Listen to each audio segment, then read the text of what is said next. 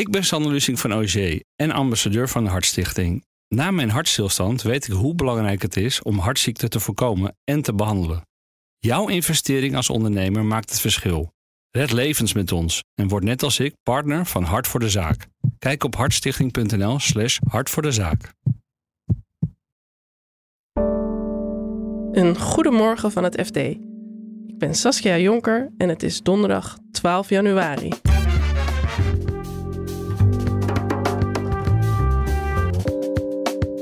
De Amerikaanse zakenbank Goldman Sachs gaat duizenden werknemers ontslaan in de grootste ontslagronde sinds de kredietcrisis. Nu loopt die rente heel erg op en is het ook heel onrustig op de markten. Dan hebben veel bedrijven en veel beleggers toch zoiets van: nou, ik uh, hou toch heel even mijn kruid droog. En dat betekent dus ook dat al die overnames er nu helemaal niet zijn. En in Den Haag moet een innovatiedistrict de lokale economie aanzwengelen. Maar is het het nieuwe New York of vooral slimme stadsmarketing? Het is wel ook goed dat er iets gebeurt. Want Den Haag heeft een bepaalde opgave en ze moeten iets gaan doen. En nu, door dan ja, misschien een innovatiedistrict te noemen, dan gaat er in ieder geval wel een balletje rollen. Dit is de dagkoers van het FD. Duizenden bankiers van Goldman Sachs hebben op woensdag te horen gekregen of ze nog een baan hebben. Het is de grootste ontslagronde van de bekende zakenbank sinds de kredietcrisis in 2008 vertelt onze correspondent Lennart Sandberg vanuit New York. Lennart, we kennen allemaal het beeld van de ontslagen bankiers die met hun spullen in kartonnen dozen de bank verlaten. Ja. Ziet het er nu ook zo uit uh, in de straten rondom Goldman Sachs?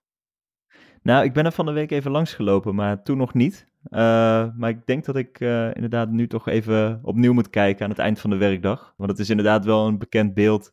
Vaak is het idee ook een beetje dat ja, bankiers die eruit moeten, ja, die weten een hele hoop en die kunnen in alle systemen. Dus die willen ze dan zo snel mogelijk het gebouw uit hebben, zodat ze niet allerlei concurrentiegevoelige informatie meenemen. Nou ja, dat geeft altijd inderdaad wel mooie plaatjes. Maar even aankijken of dat nu ook zo is. Ja, en uh, hoeveel bankiers moeten er dan eigenlijk uh, uh, het pand gaan verlaten?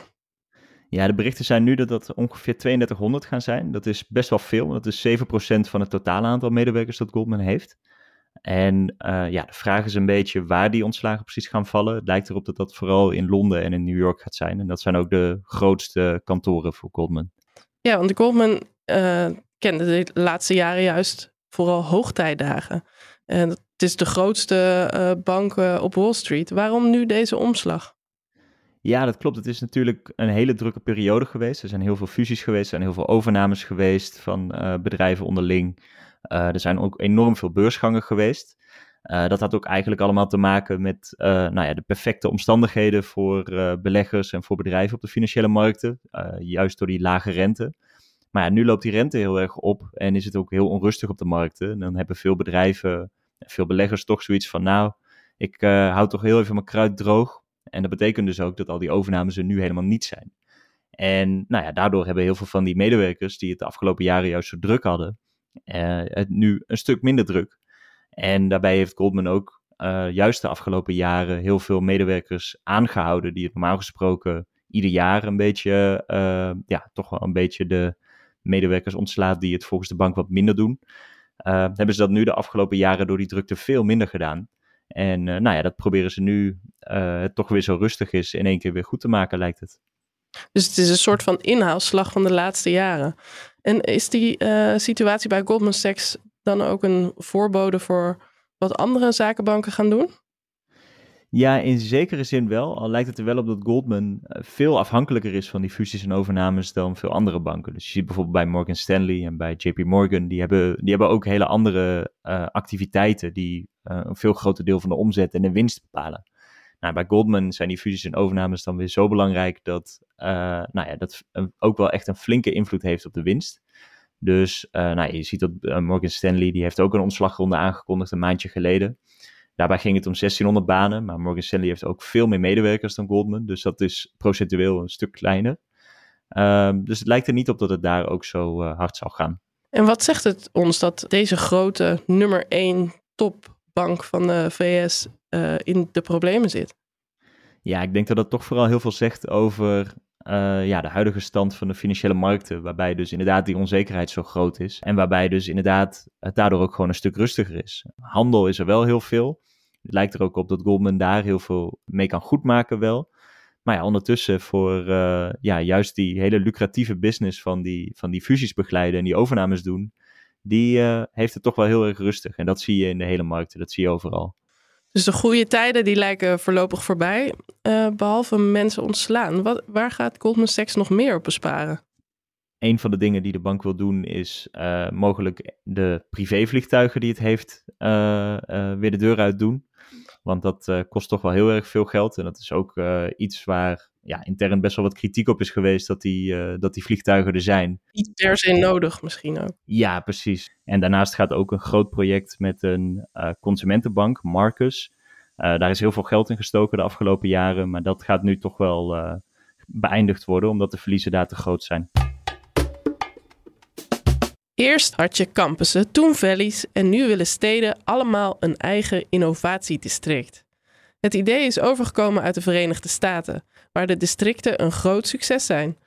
Maar een deel van je stad een innovatiedistrict noemen, maakt het nog niet tot een succes, ontdekte redacteur Marceline Bresson.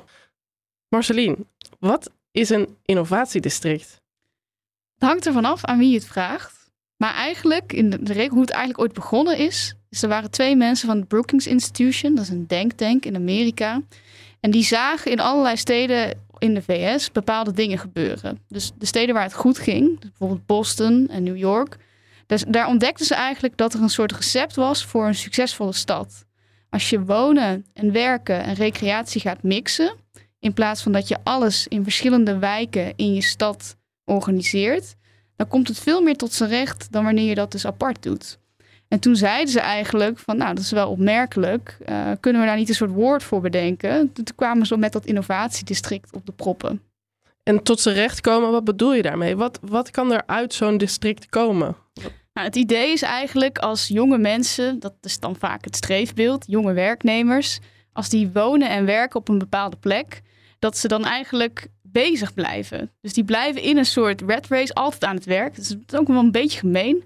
Maar um, door het leuk te hebben en door s'avonds naar je werk nog even na te borrelen, omdat er een leuk café naast je werkgever zit, dan kom je ook na werktijd tot bepaalde ideeën. En het idee is dus eigenlijk achter zo'n innovatiedistrict, is als je dat kunt creëren, dat die mensen een fijne plek hebben om ergens te zijn, dat er dan um, ja, ook een bepaalde economische ontwikkeling uit voortkomt. En nu zijn stadsbesturen, die hebben dit helemaal omarmd, dit idee van een innovatiedistrict. Hoeveel hebben wij er al in Nederland? Nog een goede vraag. Het hangt er vanaf van wie het vraagt, namelijk. Um, sommige mensen zeggen nul. We spraken een aantal hoogleraren. Ik heb dit samen met een uh, collega gedaan, Frank Kersdorf. Um, en die hoogleraren zeiden eigenlijk van, nou, we hebben er geen.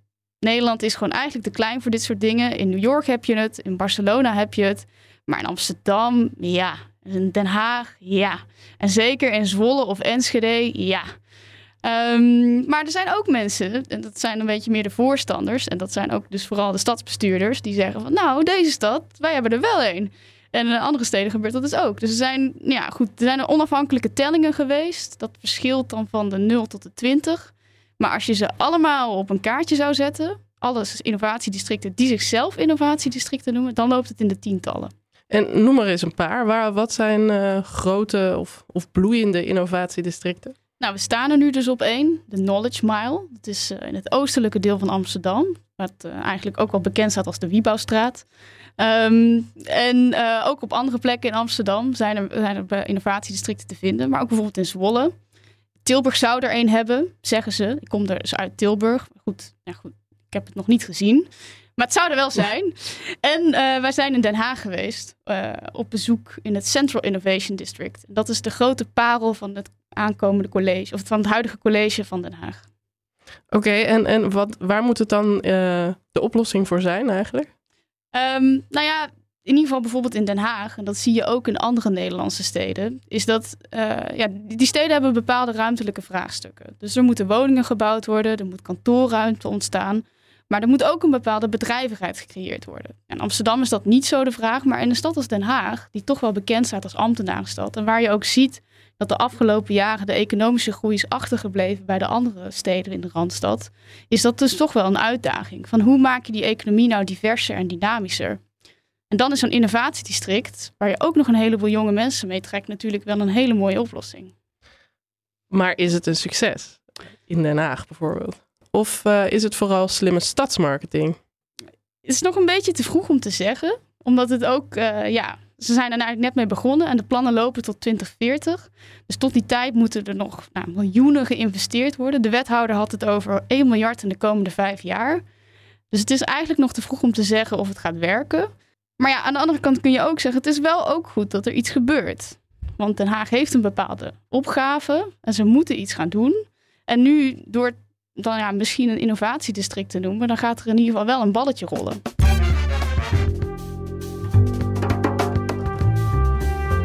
Dit was de dagkoers van het FD.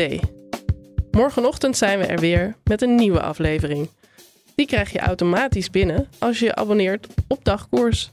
En voor het laatste financieel-economische nieuws ga je naar fd.nl.